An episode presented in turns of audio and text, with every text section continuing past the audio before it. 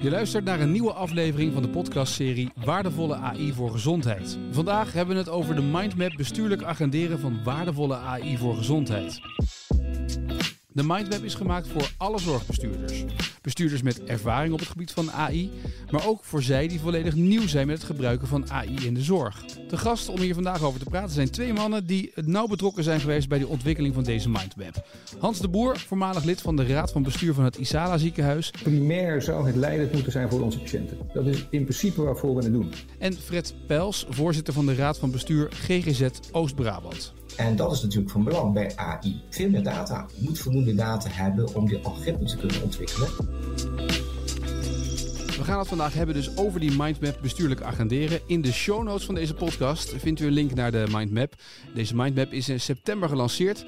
Um, allereerst Fred, wat, wat is dat precies, die mindmap? Nou, het doel daarvan is om bestuurders wat bewust te laten zijn van AI in de zorg. Hoe agendeer je dat? Zelfreflectie, waar sta je zelf? En als je voor een aanvlieggoed kiest, dan kan dit ondersteunen. Het is ook wel een dynamisch uh, model. Het is niet helemaal af, dus we hopen daarmee ook iedereen uit te nodigen om daarop te reageren. En Hans, waarom was dit nodig, speciaal voor zorgbestuurders? Uh, omdat er nog uh, te weinig awareness is in de zorg, met name bij de bestuurders, uh, dat AI een ontwikkeling is die zich moet volgen om ook de toekomst de zorg in Nederland houdbaar te krijgen. Ja. ja. En, en de mindmap helpt die bestuurders om in ieder geval de kansen te zien, te gaan ontdekken? Ja, de mindmap uh, geeft uh, in een aantal rubrieken aan waar je aan moet denken op het moment dat je uh, bezig bent met AI. En vanuit mijn perspectief is het allerbelangrijkste dat je hem op de strategische agenda moet zetten. Dat is één van die rubrieken. En daarna loop je langs een aantal items uh, om te kijken of het in jouw organisatie kan werken. Dat gaat over samenwerking, dat gaat over professionals in de lead. Nou, zo zijn er een aantal aspecten, wet en regelgeving, waar je naar moet kijken uh, om het ook tot een houdbaar iets te houden. Allerbelangrijkste is, uh, zet het op je agenda. Ja, want dat, is nog, dat gebeurt nog te weinig eigenlijk. Ja, je ziet dat het natuurlijk een ontwikkeling is die, die zeg maar, toch op de achtergrond redelijk doorgegaan is, maar nog onvoldoende echt ingedaald is in allerlei organisaties. En de laatste twee jaar hebben natuurlijk helemaal niet geholpen, omdat alle aandacht in, in, in ieder geval in ziekenhuisland uh, enorm naar, uh, naar corona gegaan is. Waardoor dit soort dingen allemaal wat aan de achtergrond zijn gegaan. Ook in de strategie. Ja. ja. Want welke kansen liggen er dan, Fred, als je daarnaar kijkt, naar, naar, naar, voor, voor zorgbestuurders om daar wat mee te gaan doen? Ja, het is ook wel wat Hans aangeeft. Het is een oplossingsrichting voor de grote kloof tussen de zorgvraag en het aanbod dat we hebben. Het inzetten van artificial intelligence helpt in ieder geval om beslissingsondersteunend te werken, maar ook bijvoorbeeld gebruik van sociale robotica in de zorg voor begeleiding en behandeling en ondersteuning is natuurlijk een oplossingsrichting. En daarmee biedt dit ook een kans uh, voor uh, nou, de uitdaging waar we als zorgbestuurders staan. Het gaat echt niet meer over geld. Het gaat echt over, hebben we straks wel voldoende arbeidspotentieel? En, en daar kan AI eigenlijk enorm in bijdragen. Want dat hoorden we in de vorige podcast ook al vooral. De processen, misschien wel sommige dingen te automatiseren. Die mensen in de zorg eigenlijk minder leuk vinden. Die kan automatiseren al bij wijze van spreken. Om het werk makkelijker te maken. Of in ieder geval te ondersteunen. Ja, vooral dat ondersteunen ook. En wat wel natuurlijk bij de inzet van AI in de begeleiding. Is dat je dat echt vanuit cliënt, patiënt perspectief doet. Je moet niet zomaar je proces gaan automatiseren, want dat ziet er echt anders uit op het moment dat je sociale robotica in de behandeling en in de begeleiding gaat inzetten. Dus even terug naar de, taak, de tekentafel, maar ook met uh, cliënten en familie. Hè? Je doet het ook samen. Het staat ook de mindmap centraal. Wat heeft die patiënt, cliënt nu aan en die zorgprofessional? Ja. ja. want Hans, dat staat eigenlijk centraal in die hele mindmap. Die onderwerpen eromheen staan eigenlijk gecentreerd rondom deze twee onderwerpen, toch? De, de patiënt eh, en, en ook wat heb je er zelf aan in de zorg? Ja, ja dat, het zou gek zijn als het niet zo was. ja. Het is, weet je, uh, een patiënt staat ook op één, geloof ik, uh, als je naar de rubrieken kijkt. Uh, want daar moet het toegevoegde waarde hebben. En even ingaand op wat, wat Fred net even aangaf. Kijk, weet je, het is, uh, AI is echt bedoeld als een ondersteuning. Maar beschouw het niet, hè, want zo kan het snel gebracht worden als een soort van heilige graal. Het is één van de aspecten die we nodig hebben om naar de toekomst zeg maar, het, uh, zeg maar de zorg te kunnen blijven verlenen zoals we die uh, in Nederland tot nu toe gewend zijn. En dat zal met minder mensen moeten, dus we zullen een aantal dingen moeten regelen. Maar niet alleen AI. AI is wel een hele belangrijke ding. Dat kan ons enorm helpen. Ja, maar goed, jullie zetten bewust in die mindmap die patiënt-cliënt centraal en de professional in de lead. Dat zijn de twee uh, die centraal staan op die eerste pagina van de mindmap. Daaromheen staan die onderwerpen die eigenlijk allebei aansluiten op aan de ene kant de patiënt en aan de andere kant de professional. Welke van die twee is nou het, het meest belangrijk voor die zorgbestuurder? Is het de professional in de lead of de patiënt-cliënt centraal? Ja, dat is wel een co-creatie. Ik vind dat moeilijk te zeggen om te zeggen de een is belangrijker dan de ander. Misschien is het wel zo dat als je een aantal professionals hebt die intrinsiek gemotiveerd zijn om hiermee te gaan werken, is dat natuurlijk een mooi aangrijpingspunt. En als je daar cliënten bij betrekt die dat ook vinden, ja, dan is dat de aanvliegroute. Dus dat, dat, ik vind dat evenwaardig. Het, moet samen opgaan. Het valt of staat, dat vind ik ook belangrijk om te zeggen. Kijk, want AI als een technische oplossing, het gaat ook om de sociale innovatie. Het gaat ook om gedragsverandering. Want er zijn wel vele technische oplossingen die gewoon in, in de kast blijven staan omdat er geen aandacht is besteed aan die gedragsverandering en met name ook bij de professionals. Ja. Primair zou het leidend moeten zijn voor onze patiënten. Dat is in principe waarvoor we het doen. Eh, er is geen andere reden. Daarvoor komen mensen ook naar de zorg. Alleen, en dan volg ik Fred verder. Ja, het kan alleen maar goed werken als je patiënten en professionals eh, in de lead geeft, of in de lead brengt, eh, stelt, om, om vanuit dat perspectief dan de ontwikkeling verder te gaan maken. Maar er is maar één reden om het te doen. Hè? We geven hier patiëntenzorg. Hè? We hebben een, zeg ik altijd maar, een maatschappelijke verplichting. Dat is namelijk het verlenen van zorg. En dat perspectief moet je doen. Ja, ja.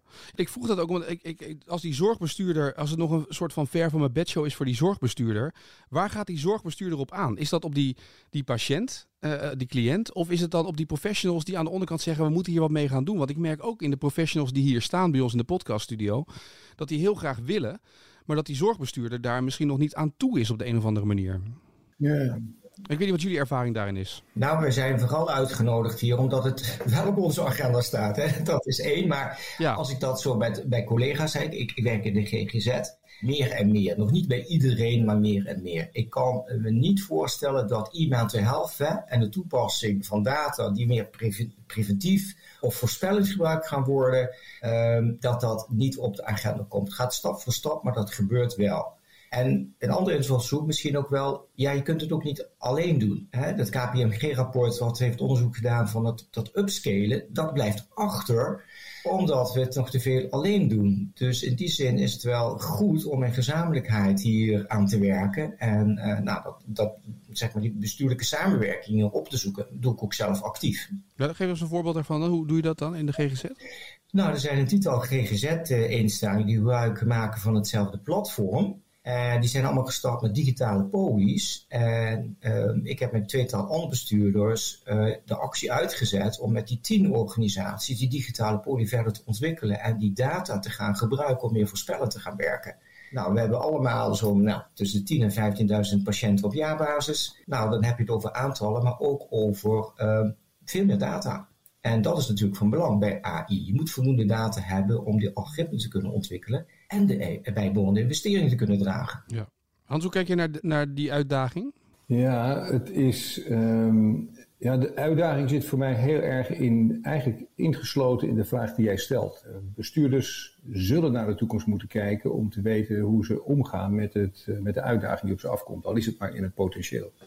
Maar ook om uh, een antwoord te kunnen geven op zeg, ontwikkelingen die heel erg vanuit de industrie op dit moment gedreven worden. Hè, ik kijk vanuit de ziekenhuiswereld. Uh, je ziet dat bij radiologie, hè, beeldbeoordelingen. Hetzelfde zie je bij de, bij de pathologie. je ziet het bij bewakingsapparatuur op intensive care. dus de industrie neemt de lead al. Als je daar niet een antwoord op hebt, of zegt, ja, maar zijn het eigenlijk wel de dingen die ik op dit moment nodig heb, heb dan, ja, dan, wordt het, dan loop je er altijd achteraan. Met, hè, Fred noemde het net even, de financiën. Met als perspectief dat je straks een enorme hoeveelheid geld kwijt bent aan zeg maar, de industrie die jou alles uh, naar binnen heeft gedragen. Dus je zult zelf initiatief moeten nemen. Ja, maar dan moet je het inbedden, en ik herhaal het toch maar een je moet het inbedden in je strategie van je huis. Ja, eigenlijk vraagt het dus uh, om een soort van visie op AI neer te leggen of technologie in de toekomst binnen je ziekenhuis of binnen je zorginstelling. En, en dat je daar eh, zelf wel over nadenkt, hoe zien wij dat over tien jaar voor ons? Correct. Ja, maar dat is het precies. Ja. Ja, want niet ieder ziekenhuis zal in staat zijn, of niet iedere instelling in de zorg, het is breder dan alleen maar de ziekenhuizen, en zal in staat zijn om, uh, of vanuit financieel oogpunt, of vanuit expertise die we hebben, uh, die ontwikkelingen helemaal zelf te gaan doen. Nee. Maar dat betekent niet dat je stilstaat. Je kan nog steeds meekijken. Hè. Ik vind het een mooi voorbeeld wat uh, de algemene ziekenhuizen doen, hè, de, wat, de, de, de, ziekenhuizen die wat kleinschaliger zijn. die ook gezamenlijk nu allerlei ontwikkelingen doen rondom bijvoorbeeld capaciteitsmanagement. Nou, dan doe je dat samen. Prima. Maar ben je bewust dat je dit soort dingen wil doen? En hou zelf regie op wat er, wat er ontwikkeld wordt. Maar dat is uiteindelijk ook volgens mij de taak van een bestuurder, toch? Een bestuurder moet eigenlijk een soort van richting, visie geven met het bestuur. Waar je als zorginstelling naartoe wilt gaan. En, en als je dan inderdaad de financiële middelen niet hebt om dat zelf helemaal te kunnen bekostigen. Ga dan kijken voor samenwerking of dat je kan aanhaken. Ja, ja. spijker op zijn kop. Hè. Dat is ook je bestuurlijke taak. Ik ben ook lid van het bestuur van de Nederlandse Vereniging voor Zorgbestuurders. Je merkt ook dat daar die professionalisering, hoe doe je dat dan? Hoe vlieg je dat aan? Het is een podcast of een webinar georganiseerd. Dat doen ook de koepelorganisaties. Dus staat meer en meer eh, op de agenda en waardevolle AI. Dat hele actieprogramma draagt er ook aan bij. Dus uh, ja, bestuurders die denken van, goh, hoe zit dat eigenlijk? Kunnen die die mindmap ook gebruiken om te zeggen, goh, hoe kan ik er naar kijken? Waar sta ik zelf? Ja, een van de karaktereigenschappen van een bestuurder zou moeten zijn, op basis van zelfreflectie, als je zelf nog niet zo competent bent, uh, hoe ontwikkel ik dat? Ja, en dat je jezelf kan verdiepen in wat er is, zodat je een basis hebt, in ieder geval basiskennis hebt misschien wel. Ja, een basiskennis of een aanpak en dat uh, op die manier, uh, ja, dat je jezelf openstelt om uh, kennis en ervaring en te tanken en op die manier te delen met elkaar. Maar als, je, als jullie dat zeggen, en dan kijk even wat jullie net ook zeiden over corona, heeft de afgelopen twee jaar natuurlijk de zorg redelijk overgenomen. Uh, en het gaat om personeels. Uh, vaak is de waan van de dag leidend, zelfs binnen besturen. Van we moeten mensen binnen hebben. Als we maar personeel binnen hebben, dan kunnen we de zorg blijven bieden. Maar dit vraagt natuurlijk een, een, blik voor over vijf of tien jaar eigenlijk. Ja, ik denk dat corona heeft natuurlijk in die zin een grote uitdaging, maar kunnen we natuurlijk wel collateral profits. Wat ik zie in de praktijk in de GGZ, omdat we dingen fysiek niet meer konden, zijn veel meer dingen digitaal gebeurd. Het gebruik van uh, e-modules heeft alleen maar toegenomen in BLBL. En dat zijn ook allemaal data die je kunt gebruiken. Dus het heeft ook een ontzettende push gekregen. En dat moet je ook verzilveren. Ja, is zelf de mening toegedaan, Hans, dat, dat het een push heeft gegeven, eigenlijk corona? Heeft het ook voordelen gehad daarin? Ja, ja in dezelfde lijn als Fred die ook geeft. Hè. Er wordt de uitdaging over, hè, als het leven weer normaal wordt, zeg maar even, hoe we dat dan weer kunnen vasthouden. Uh, en daarom is ook zo'n zo'n zo'n programma als nu ongelooflijk uh, verstandig omdat het nu maakt dat de winst die we daar gehaald hebben, nou de collateral profit, dankjewel Fred, mooi woord. Ja, ja, nee, eh, dit, dit wordt de kop ook erboven bijna voor de podcast. Ja, ja, ja heel goed. Maar uh, is om uh, uh, dat je dat wel moet vasthouden. Je moet, je moet die awareness bij mensen echt constant krijgen. Met dit programma wordt waardevolle AI voor gezondheid bedoeld, waarin VWS samen met het veld een groot aantal hulpmiddelen en rapporten heeft ontwikkeld om het succesvol ontwikkelen, opschalen en toepassen van AI in de zorg mogelijk te maken. Benieuwd naar wat het voor jou als zorgbestuurder of innovator kan betekenen? Kijk dan op datavoorgezondheid.nl. En nu terug naar het gesprek met Hans de Boer en Fred Pels. Kijk, een bestuurder hoeft niet zelf tot in detail te weten hoe dat gaat. Hij moet alleen de mensen, hij moet één, hij moet oog hebben dat soort ontwikkelingen belangrijk zijn en hij moet de juiste mensen weten te vinden om dat voor hem of voor haar te doen. Uh, en daar wel vragen over te kunnen stellen, wat de wereld zeg maar, uh, uh, op ons afvuurt op dit moment. En, en, als je dan kijkt, zeg maar, de vragen bij het inkopen van AI, waar, wat zijn vragen waar, waar professionals, bestuurders in de zorg, waar, waar die tegenaan lopen? Wat, wat zijn jullie ervaringen wat zien jullie daarin? Waarvoor die mindmap dus ook kan helpen? Nou, misschien wel drieledig. Hè? Aan de ene kant van welke mate AI ook intuïtief gestuurd kan worden, zodat professionals en patiënten het ook daadwerkelijk gaan gebruiken. Dat vind ik echt een kwalitatief aspect. Hè? Je van alles zitten bedenken, als het niet gebruikt kan worden, gaat het, niet, uh, gaat het ook niet werken. Het tweede is, uh, hoe zorg je ervoor dat je ja, goed, allerlei data, databronnen kunt ontsluiten, is meer technisch, om de combinaties te kunnen gaan maken. Hè? Dat je geen solitaire oplossingen kiest, maar eigenlijk met data-extractie kunt gaan doen. En het derde is de samenwerking opzoeken. Dat, dat, hè, wat, wat Hans ook al aangeeft, als hè, een aantal ziekenhuizen, algemene ziekenhuizen dat samen gaat doen, ja, dan kun je ook meters maken. Dus zorg ervoor dat je dan ook vanuit een, een, een pact of zo, van een samenwerkingsverband dit aanvliegt. Ben je eens, Hans? Of zie je nog, nog andere uitdagingen daarin komen? Of uh, zit Fred uh, op de goede spoor? Ja, alle...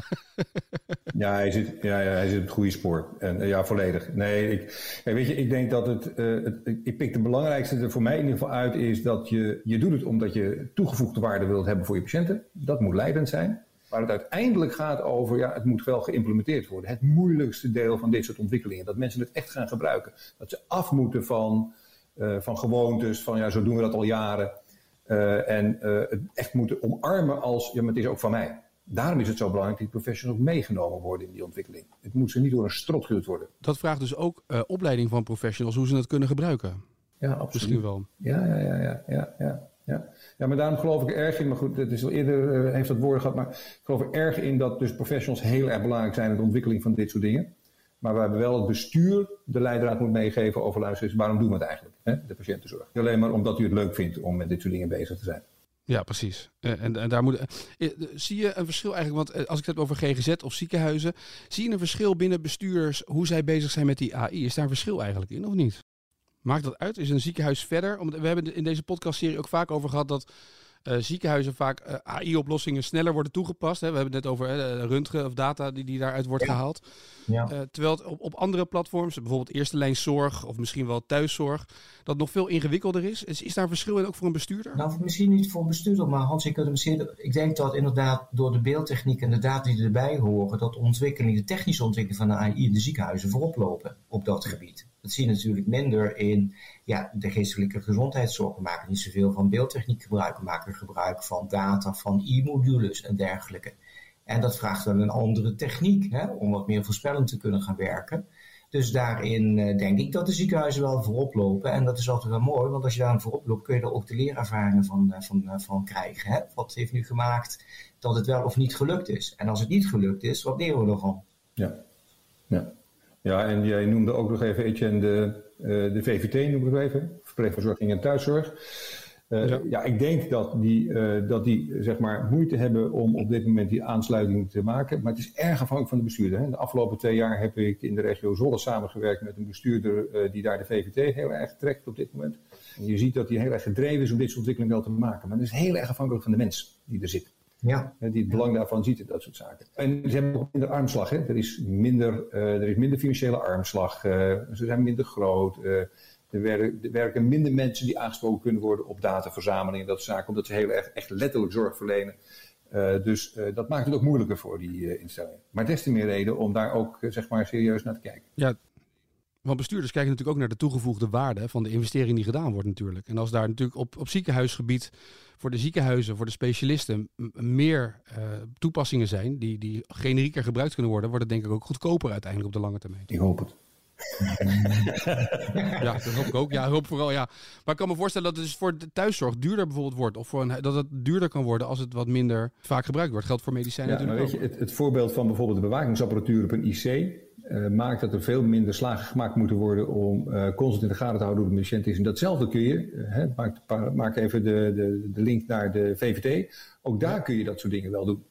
Waardoor je steeds minder controles van die patiënt nodig hebt, waardoor mensen steeds langs moeten lopen, maar dat je dat kunt gebruiken omdat je daar een, een digitalisering, een AI-ontwikkeling voor gaat maken. Dus ja, ik ben daar niet zo negatief over. Ik denk dat dat best wel kan. Alleen het is nog niet eigen. Hè? Het, is, het is nog echt de, ja, de, ja, we verlenen zorg en daar hoort geen AI bij. Weet je? Het is, ja. Ja, ik zie praat over mensen en niet over techniek. Ja, ja kwaliteitsslag ook wel, Hans. Hè? Want je ziet natuurlijk ook daar uh, in de VVT met de leefcircus, even het voorbeeld. Ik weet niet of dat in de podcast aan, aan, bod is gekomen. Maar er worden data verzameld van patronen van uh, cliënten. En dan kun je er vroeger bij zijn. Het hoef je zelf niet te bewaken, maar die data. En op basis daarvan kun je kijken van hoe dan iemand waardoor er minder crisis ontstaat, waardoor er minder agressies op de afdeling, waardoor het ziekteverzuim naar beneden gaat. Dus op die manier kun je er ook naar kijken, zowel de kwaliteitsslag als de impact eh, binnen teams. Dat zie ik namelijk ook in de geestelijke gezondheidszorg. We zijn met ANB bezig met vroegsignalering. Kijk, nu zit het in een EPD en hebben we kleurkaarten, om het zo te zeggen, dus altijd achteraf. Maar op het moment dat je met wearables gaat werken, kun je al die patronen herkennen dat je er veel eerder bij bent om een crisis te voorkomen. Maar dat vraagt eigenlijk om een compleet omgekeerde manier van communiceren. Je, je gaat namelijk uh, de oplossing uh, positiever brengen dan wanneer. Dan, dan, hè, je, gaat, je gaat niet meer achteraf analyseren, maar vooraf analyseren om agressie te voorkomen. Dus dat vraagt een andere manier bijna van communiceren ook naar de professionals die ermee werken waarom het ja, waarde we hebben ook getracht in de inleiding van de Mindmap ook aan te geven met preventie. Hè? Dus niet alleen begeleiding en behandeling, kwaliteitsslag, maar ook preventie. Want dat is ook een oplossingsrichting uh, om die zorgkloof waar ik het over had, hè, de vraag en het aanbod. Ja, als we dingen voorkomen, hoeven we het ook niet op die manier intensief in te zetten. En uh, die ontwikkeling zie je natuurlijk ook in de telemedicine. Hè? Dingen voortijdig herkennen en daar preventief acties op zetten. Waarbij ook wearables, om het even over AI, ook voor zelfregie. En zeker in de GGZ, die regie, als je die inderdaad bij cliënten kunt bevorderen betekent eigenlijk ja, een betere kwaliteit van leven en minder inzet van duurdere zorg. Ja. Nou is het zo, jullie hebben een aantal keer al in deze podcast aangehaald, hè, dat financiën kan een, een drempel in eerste instantie misschien wel zijn voor partijen. Van goh, weet je, het is een, een, een visie erop ontwikkelen, nog niet weten wat er is. Zijn dat de enige dingen uh, waar jullie tegenaan lopen als bestuurders heel enthousiast zijn dat ze meer willen gaan doen? Of zijn er nog meer zaken waar bestuurders tegenaan kunnen lopen als ze met AI aan de ja, slag gaan? Volgens mij hebben we een tweede ook genoemd al in deze podcast. En dat is uh, de acceptatie van de professional zelf. Het is niet alleen maar een vraagstuk van financiën. Tuurlijk, ze altijd spelen, we hebben geld nodig. Uh, maar het gaat ook over acceptatie. Uh, acceptatie dat werk anders gebeurt, dat je daarmee ook jouw, jouw werk moet veranderen. Het gaat over jouw werk. Hè. Het gaat niet over. In de algemene zin klopt het altijd. Hè. Dan is het goed dat we het doen. Maar op het moment dat je het moet implementeren en dat mensen daarmee hun dagelijks werk echt anders moeten gaan maken, dat, dat vraagt echt even iets. Dat is ook hè, uh, wat we in het begin ook schetsten, waarom het zo ontzettend belangrijk is dat je in samenwerking dit soort ontwikkelingen maakt. Om mensen zelf uh, zeg maar, eigenlijk het wiel te laten uitvinden in plaats van dat je het, nou overdreven gezegd, door hun strop duwt. Uh, zij moeten zelf de toegevoegde daarvan gaan zien. Ik vind dat een hele belangrijke, ook naast financiën. Ja, en zijn er dan ook nog partijen die daar nog een extra rol in kunnen spelen? Om dat breder gedragen te krijgen op de werkvloer? Om het centraal nou, ik denk dat het wel uh, heel, heel erg hoe je dat in je eigen organisatie, niet alleen het gebruik van AI, maar ook door de jaren heen hoe je dat doet met nieuwe behandelmethoden, hè? hoe je dat op die manier aanvliegt. En dat is ook een, een cultuuraspect, hoe je in je organisatie omgaat met co-creatie van cliënten en, en professionals. Hè? Wat wel helpt, dat merk ik, we zijn een start-up gestart met een externe partner en die begeleidt dat proces en voedt echt heel gedoseerd die technieken. Dus, en die hebben er heel veel ervaring in. En dat denk ik van, nou, dat is wel een mooie buitenboordmoord om er wat snelheid in te krijgen. En die hebben de ervaring. En die zitten niet alleen op de techniek, die zitten ook op die sociale innovatiekant, hè, die gedragsverandering. Dat hebben we wel nodig. Dus een advies aan bestuurders, als je kiest een, kiest een, een, een externe, kijk inderdaad ook naar die sociale component. Hoe doen ze dat? Niet te blauw. Het moet ook een ontwikkeling zijn. En die samenwerking tussen ziekenhuizen ook, denk ik, Hans. Dat is ook een basis, toch? Om daar met elkaar samen wat ja, te doen. het is niet anders dan wat Fred daar net even over schetste. Denk ik eventjes. Daarom is het ook van belang uh, dat uh, je moet het niet, uh, die, die, hebben we in het begin wel eens besproken. deze ontwikkelingen dreigen heel snel te worden zeg maar, gestart en te worden gedreven door, door technici. Door mensen die heel goed zijn in hoe je dat ontwikkelt. En, en daarmee komt zeg maar, de, de sociale ontwikkeling of de, de, de, de, de zorg van de professionals in het gedrang. Uh, en daarom, maar goed, dat heeft Fred volgens mij prima verwoord, is het van belang dat je uh, al die sociale dingen, maar ook die dingen die te maken hebben met de ontwikkeling van je eigen vakgebied, uh, dat je dat heel erg bij die professional zelf ook, ook afstemt. En ze dus meeneemt in dat proces. Evenals onze patiënten, hè? want daar begon het mee. Hè? Want ja. als je allemaal wearables aan patiënten gaat geven en ze hebben een schoorsteen vol met wearables staan, dan vraag je me af of dat nog wel gaat werken. Bijvoorbeeld. Ja, maar hoe gaat dat? Dat is wel mooi, want we noemen nu die, die patiënt en die cliënt, die staat ook centraal in die mindmap. Maar wat kan een bestuurder daar dan aan doen? Hoe kan dat voor een bestuurder eventueel nog werken? Wat kan hij eraan bijdragen dat die patiënt dat ook eventueel zou willen of die wearables aan wil? Hoe, hoe kijken jullie daar? ik zie dat in een faciliterende rol. Hè? De dingen die ik net noemde, van goh, als je zo'n proces ingaat uh, van co-creatie, dat doen we nu ook met, met cliënten en we gaan het proberen en gaan het ervaren. Hè? De sociale robots zijn nu logeermaatjes aan het worden en dan gaan we kijken hoe het werkt. Dus dat faciliteren daarvan. En uh, in de mindmap staat ook de rol van uh, de bestuurder, die moet ook zichtbaar zijn. Het feit dat je daar um, ja, op, op je rollen neemt om zichtbaar te zijn, de interesse in toont, hierover vertelt, uh, in zo'n podcast helpt er ook bij. Want dan is het ook een beetje de toon van de top die je uitstraalt, dat je het belangrijk vindt en dat je het belangrijk vindt dat je het samen doet. En ik denk dat dat af en toe nog wel de impact groter is dan dat je zelf door hebt. Ja, Hans, bij het maken van die mindmaps en ook bijvoorbeeld partijen als Patiëntenfederatie aangehaakt. Um, welke um, kennis en welke inzicht heeft het jullie opgeleverd als je dan uh, die ervaringen met elkaar gaat uitwisselen? Nou ja, primair dat je moet uitkijken dat je geen ontwikkelingen gaat doen die vanuit het perspectief van uh, alleen de professional of de technicus uh, zeg maar ontwikkeld zijn. weet je, een patiënt moet het zien als een toegevoegde waarde. Dat is in principe waar het over gaat. En uh, dan merk ik ook, dat, en dat wordt ook zeg maar wel gewaar, of tenminste dat, is ook, dat kwam ook naar voren toen we met de, de, de, vertegenwoordigers van patiënten spraken, toen we mee zijn mind met maken waren. Uh, maar ik heb die ervaring misschien nog wel meer toen we in ons ziekenhuis uh, dit ontwikkeling, of dit, op dit moment nog steeds doen. Dat we patiënten meenemen en dat zij zien wat het voor hen betekent dat ze dit soort dingen gaan doen. Dat ze er de vrijheid door krijgen, omdat ze niet meer gebonden zijn aan ziekenhuisbezoeken. Dat ze er vrijheid voor krijgen, omdat ze ook op een afstand gevolgd kunnen worden. Dus daar, daar heeft ik wel. En dat betekent in mijn ogen ook dat we uh, ook bestuurders zullen vragen om uh, bij welke ontwikkeling ze dan ook maken, die patiënten echt te, te involveren om, uh, om mee te doen en dat soort zaken. dat je het echt moet zien als een, een basis om dit soort ontwikkelingen verder te maken. En niet eerst te doen en dan de patiënten vragen, maar die patiënt vanaf het begin mee te nemen. Ja, het is makkelijk bijna om het te vergeten. Hè? Want je denkt, het is een goede ontwikkeling, we gaan dit gewoon doen. Uh, maar dat je dan die patiënt nog even mee moet nemen, is wel een dingetje. Ja, ook dat is een gedragsverandering. Hè? Fred eh, heeft daar al meerdere malen op, op gewezen. Uh, als het goed is voor de dokter, is het niet per definitie goed voor de patiënt. En, en dat moet je iedere keer wel realiseren. Ja, ja. En dat is echt, ja, ik weet niet of je dat een gedragsverandering moet noemen, maar het is echt een, een, mind, een mindset die anders moet daarin. En er zijn genoeg dokters die het, wel, die het al doen. Hè? Ik bedoel, dit is geen, je, moet het, je mag dat niet generaliseren, absoluut niet. Hè? Ja. Maar ja. Uh, het is wel een aandachtspunt waar je serieus naar moet kijken als bestuurder. Nou ja, de kans zit er misschien ook wel een beetje hierin, uh, uh, als we het ook vanuit bestuurder vertellen. De kans zit ook wel in dat een hoop patiënten al bezig zijn met die wearables. Ik bedoel, we zijn al veel meer bezig zelf de zorg op heel veel vlakken te regelen. We kunnen al veel meer meten en weten.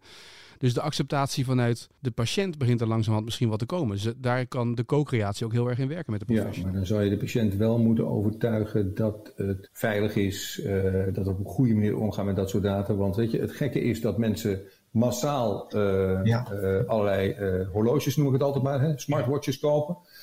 Ja. Ehm, en die en, maar die zijn bij Apple heel safe. Hè? Bij Apple kan je niet inbreken. Maar de rest van de wereld kan je wel inbreken. Maar bij Apple ja, zijn ze heel dat safe. gisteravond.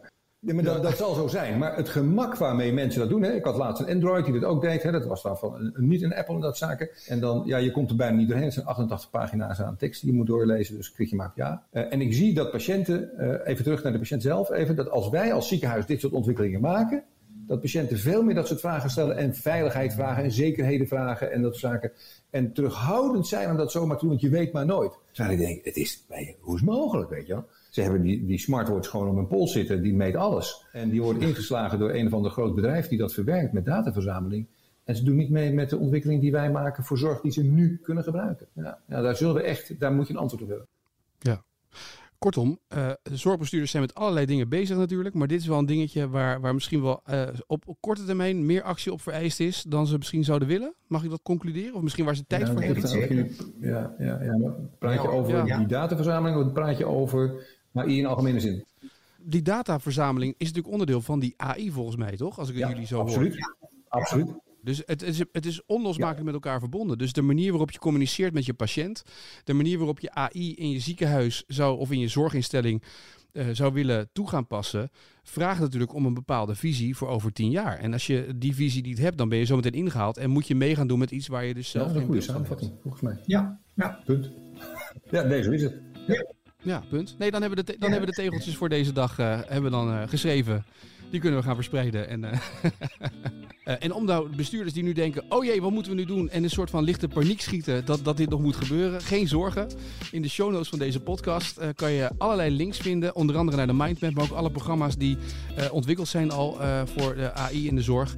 en dan kan je misschien als routekaart gebruiken op weg naar die visie voor de komende jaren. Het is vooral ondersteuning, het zal vragen beantwoorden. En in die Mindmap staan weer allemaal links naar allerlei andere onderdelen van het programma. En hopelijk, um, Fred Pels en Hans de Boer, hebben jullie de mensen ook wel geïnspireerd om hier wat mee te gaan doen. Ik mag aannemen van wel trouwens. Dus uh, dank voor jullie bijdrage in deze podcast. Je luisterde naar een aflevering van de podcastserie Waardevolle AI voor Gezondheid. Zoals gezegd, kijk voor meer informatie over die mindmap voor bestuurlijk agenderen van waardevolle AI voor gezondheid in de show notes van deze aflevering. Vergeet je ook niet te abonneren op deze podcastserie in jouw favoriete podcast-app. Dat kan via Apple Podcast, Google Podcast of Spotify. Dan mis je geen aflevering en kun je ook de vorige afleveringen waar we al een aantal keer aan gerefereerd hebben terugluisteren. Wat ons betreft graag tot de volgende podcast Waardevolle AI voor Gezondheid.